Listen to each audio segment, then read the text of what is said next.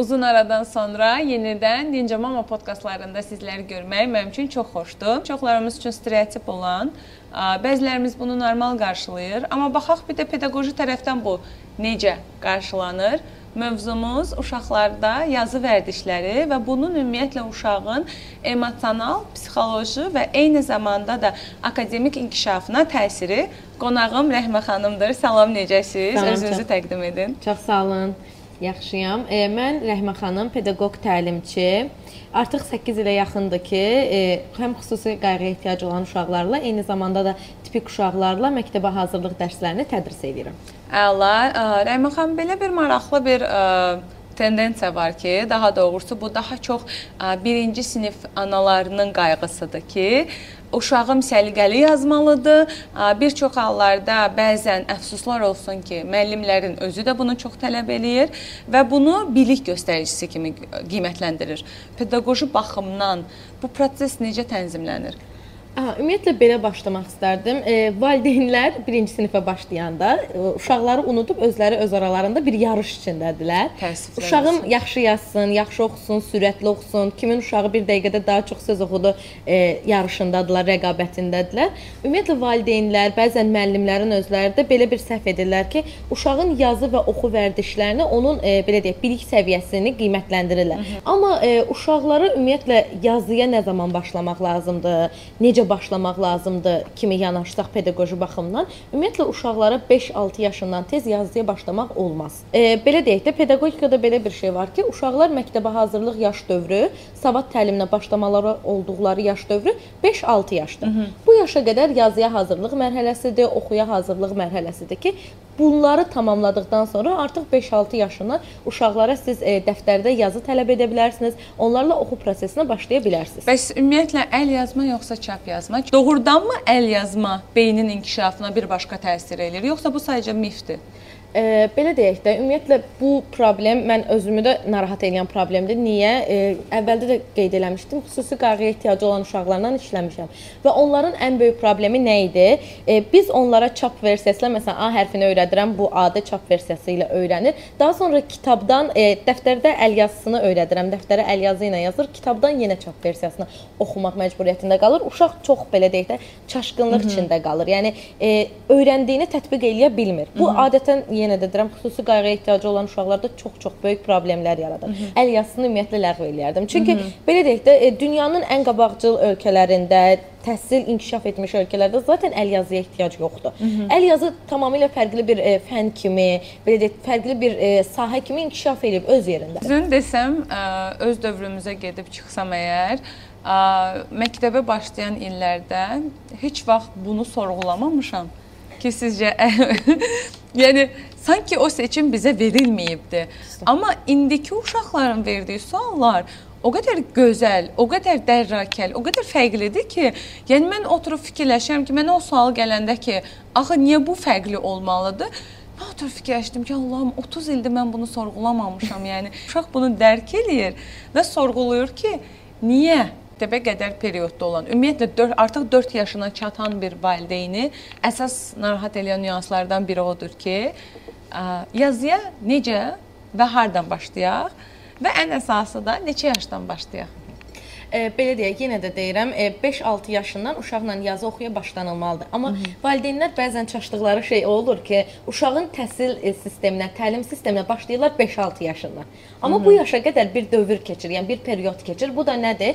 Yazıya belə desək də, yazıya, oxuya hazırlıq mərhələsi Hı -hı. dediyimiz bir mərhələ var. Uşaqlar zaten 3 yaşından, hətta 2 yaşından belə yazının ilk e, versiyasını, o qaralama şəklində yazırlar. Hətta bəzi uşaqlar olur, bilmirəm rastlaşmısınız ya yox, oyun vasitəsilə ana gəl sənə yazı yazmağı öyrədim və yaxud e, məsələn restorançılıq oynayırlar. Mən e, ofisiantam sizdən sifariş götürəcəm kimi qaralamalar edirlər. Bu zaten yazıya belə deyək, ilkin versiyasıdır yazının. Hı -hı. Bu zaman uşaqla nə etmək lazımdır? Bu zaman ilk iş uşağın e, kiçik motorikasını inkişaf etdirmək lazımdır. Yəni e, əl əzəllərini, barmaq əzəllərini inkişaf etdirmək lazımdır. Bunu bəsit gimnastikalarla məsələn əlinə aç, bağla. Hı -hı. Bu üç barmaq hərəkət elətdir və yaxud da ki, məsəl üçün ən e, belə deyək də adi formasını deyək, muncuqları ipə düzmək olsun. Hı -hı gündəlik həyatımızda olan özünə qulluq vərdişləri olsun. Məsələn, bəzən olur ki, 5 yaşında uşaq olur, valideynə sual verirsən ki, e, nədən şikayətçisiniz? Valideyn deyir ki, uşağım yaxşı xətti yoxdur, səliqəli yaza bilmir. Hı -hı. Sual verirsən ki, evdə məsələn öz yeməyini özü yeyə bilirmi sərbəst şəkildə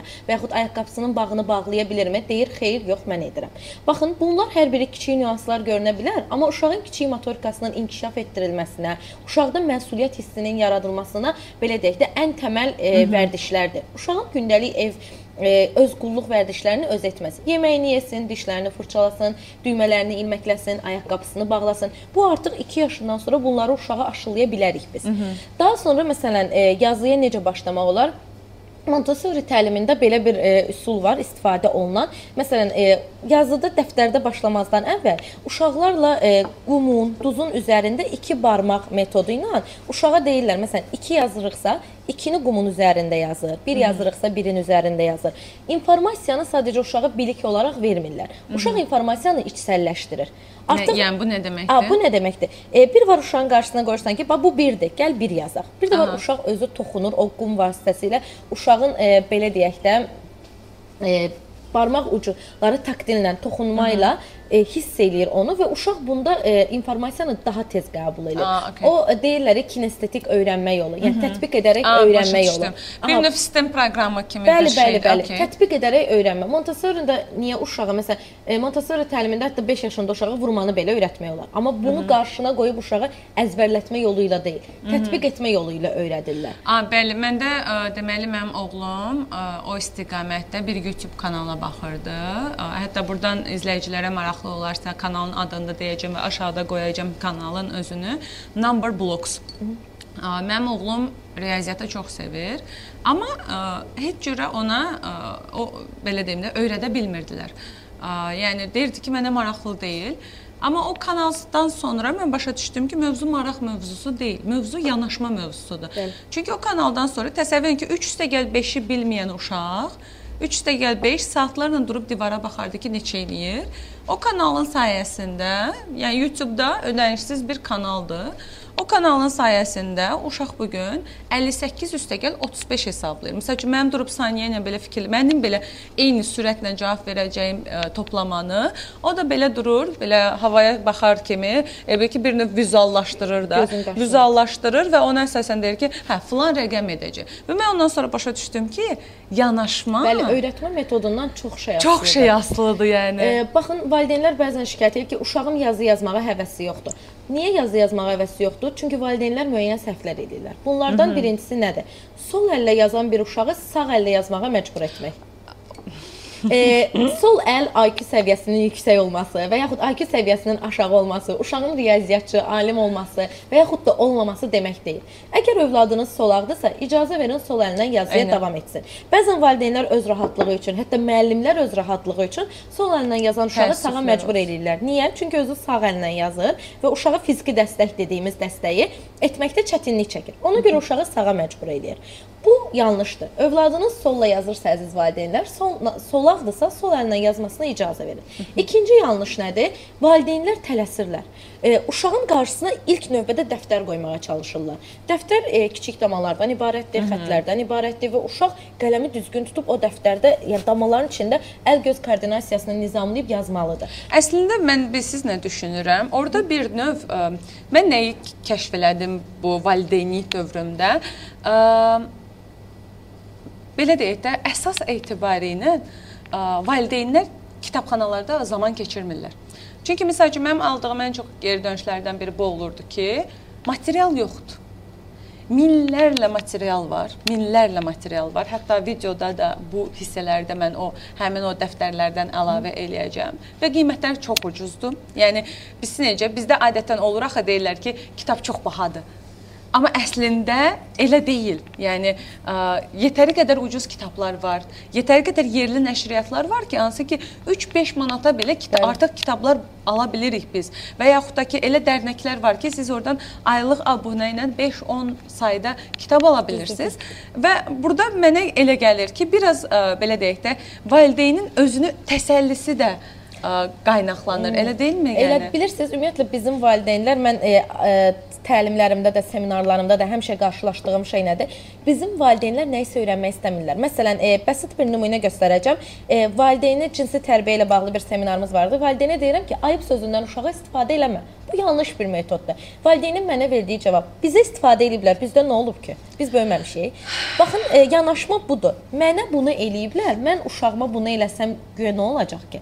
Axı birincisi dönəm dəyişib. Yəni siz biz 90-ların uşaqlarıyıqsa, bunlar 2000-lərin uşaqlarıdır Aynen. və dönəm dəyişib. Yəni çox arada böyük bir fərq var. Ona görə yanaşma tərzimiz də dəyişməlidir. Baxın, valideynlər də belədir. Özləri nəsə öyrənmək istəmirlər. Məsələn, deyəndə ki, dəftərdə yazdırma, deyir nədə yazdırım? Bəsit nümunələr, hüsn xətlərdən istifadə edə bilərsiniz. Hüsn xətti qoydum bir qırağa. A4-lərdə sadəcə, yəni böyük e, hərflərin, rəqəmlərin, nöqtələr qoyub uşaqdan yapışdır, e, birləşdirməsini istəyə bilərsiniz. Məsələn, kiçik motorikanı inkişaf etdirmək üçün e, sadə bir şey. Uşaq qayçıdan istifadə etməyi bacarmalıdır. Bizdə nə edirlər? E, qayçıya toxunma. Olmaz. E, olmaz. Qorxuram əlini kəsər. E, sizə deyən yoxdur ki, qayçını uşağa verin, uşaq qayçı ilə kəsib doğrasın. Xeyr. Nəzarət altında sizin nəzarətinizlə uşaq qayçıdan istifadə edə bilər. Zaten bunun yaşına uyğun olan bir bacarıqdır. E, zaten başqa bir detal da odur ki, hal-hazırda günümüzdə yetəri qədər təhlükəsiz qayçılar da var. Və ə, belə deyim də, məsəl üçün ucu biz deyil, Düzdür. dərhal kəsiciliyi olmayan və bu qayçılar fantastik qiymətlərə deyillər. Yəni yetəri qədər uyğun qiymətlərədir və hər çeşiddədir. Yəni ki, biz necə bir növ elə bil ki, mən zəmanəmizin materiallarına necə baxıram? Sanki valideynin bəhanə tapmaması üçün hər şey var. Yəni sən sadəcə onu tapıb kəşf eləməlisən. Sanki belə bir ə, perioddayıq, belə bir zəmanədəyik ki, ə, məsəl üçün mən deyəndə ki, "A, qayçı axı it olur." Məsələn, siz mənə geri dönüşürsünüz ki, xeyr, it olmayan qayçılar da var və s. Yəni belə bir zəmanədəyik. Bir də mən öz övladımın, mənim övladım hal-hazırda 1-ci sinifdədir və onun sentyabrda yaşadığı bir problemi əslində aktuallaşdırmaq istəyirəm ki, indi yox olmasa da növbəti sezonda necə deyirlər, bu problemlə qarşılaşacaq valideyn olarsa, necə öhdəsindən gələ bilər? Mən düşünürdüm ki, mənim oğlumun plastilinə çox marağı var və durmadan plastilinlə oynayan bir uşaq. Yəni plastilinə elə şeylər düzəldir ki, mən bəzən wow, şoka düşürəm də. Yəni sadəcə YouTube-da bir kanala baxaraq bunu düzəldir.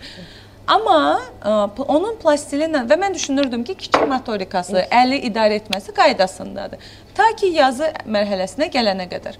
Ə, bəli, qələmi zəif tuturdu dediyimiz o xətləmələrdən zəif keçirdi və s. Amma mən düşünürdüm ki, bu yaşla bağlı bir şeydir və yaşın fizioloji quruluşu ilə bağlı bir şeydir. Çünki ilk övladımdır, ilk təcrübəmdir. Amma birinci sinifdə o artıq yazıya keçəndə mən başa düşdüm ki, yox, belə deyil. Yəni mən burada çox ciddi boşluq buraxmışam. Və nə oldu? Çox çətinlik çəkdi qələmə adaptasiya üçün. Və biz ona üçlü korrektor tapdıq. Ümumiyyətlə bilmək istəyirəm ki, biz bu məsələni korrektorla həll elədik.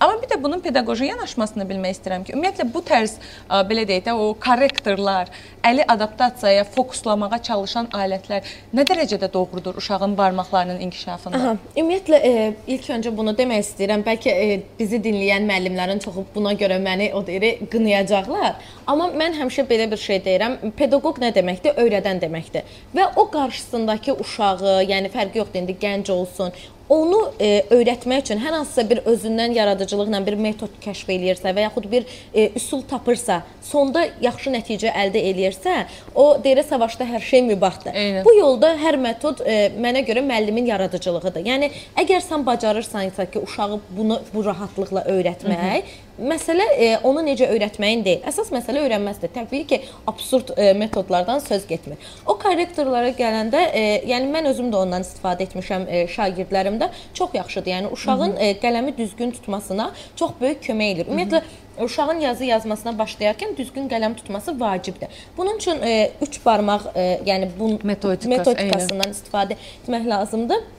Dediyiniz kimi plastilindən e, istifadə etməkdə və yaxud rəngləmə, karandaşdan istifadə də kiçik motorikanı inkişaf elətdirir, amma möhkəmləndirir. Amma qələmi tutmaq üçün bundan istifadə edə bilərik. Hı -hı. Və yaxud da ki, məsələn, bəzən olur ki, e, valideynlər e, fiziki dəstək olurlar, uşağı tuturlar əlindən birlikdə yazırlar. Aha, o nə dərəcədə düzgündür? E, düzgündür, yəni fiziki dəstək yaxşıdır. Hı -hı. Amma məndən soruşsanız, əsasən də bu xüsusi qayğıya ehtiyacı olan valideynlərə çox dəstək ola bilər. Yəni o uşaqlarda çox işə yarayır. Fiziki dəstəklə birlikdə verbal dəstək, yəni sözəl dəstək. Aha. Məsələn, e, uşağa bir rəqəmini yazdıracağıq. E, səsləndiririk ona ki, yuxarı qaldırırsan, aşağı saldırırsan Hı -hı. və yaxud da məsələn A yazırıq, ayağını yazdıq, yuxarı, Hı -hı. aşağı düşürük, sağa çeviririk, ortasından xətt çəkirik. Bu sözəl dəstək uşağın həm yadında saxlayır hərfin Hı -hı. belə deyək də elementlərini və yaxud da rəqəmin elementlərini, həm də uşağın əlindən məcbur tutub o dəftəri, o sıranı doldurmaq əvəzinə bu kimi sözəl dəstəkdən istifadə edib onun özünün yazmasına icazə vermək daha tez nəticə əldə etmələrinə şərait yaradır. Yəni bu sözəl dəstək yenə də deyirəm, xüsusi qayğıya ehtiyacı olan uşaqlarda çox-çox işə yarayır. Həm də eyni zamanda uşaq istiqamətləri də e, belə deyək, daha A, yaxşı aha. öyrənir. Məsələn, sağ, sol, so, yuxarı, yuxarı, aşağı, aşağı ortası. Hı -hı. Yəni bunları e, rahat şəkildə artıq mənimsəyir. Yəni bu cür fiziki dəstəklərlə bərabər sözəl dəstəklərdən də istifadə etmək e, çox yaxşıdır. Və, ümumi götürsək, son sualımı da verim. Hı -hı. Belə bir belə deyək də müddət varmı ki, biz deyək ki, okey, bu müddət ərzində uşaq mütləq ki, bunları, bunları, bunları bilməlidir. Yəni nə mənada ki, məsəl üçün uşaq yazını öyrəndi. Bu yazıdan sonra belə deyək də hərfləri öyrənəndən sonra daha dəqiq desək, artıq sözlərə keçirlər. Və sözlərlə yazının ümumiyyətlə ə, oxuma ilə koordinasiyası hansı aralıqdadır?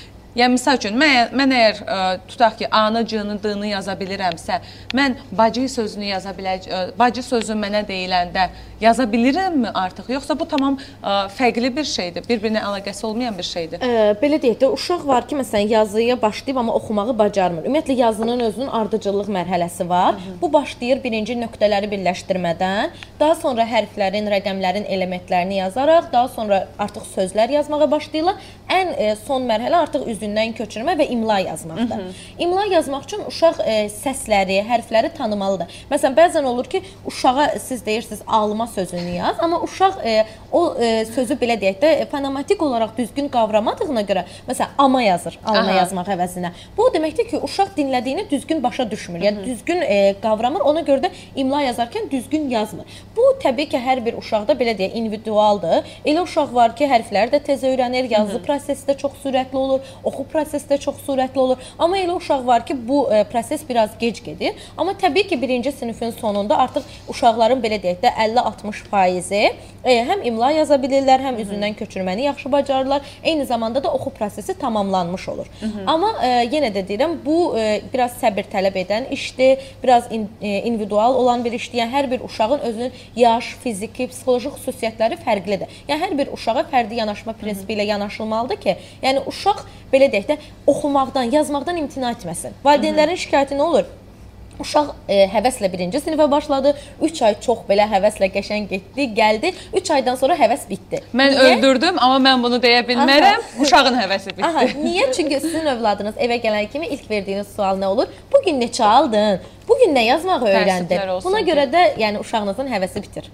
Bəli, çox təəssüflər olsun. O mövzuya bir başqa ə, pat, ə, Ninja Mama podkastımızda toxunacağıq. Çünki o mövzuya girsək biz ümumiyyətlə bu gün çıxa bilməyəcəyik və podkastı tamamlaya bilməyəcəyik. Çox təşəkkür edirəm Sərəymə xanım. Çox ə, gözəl və açıq müsahibə üçün minnətdaram.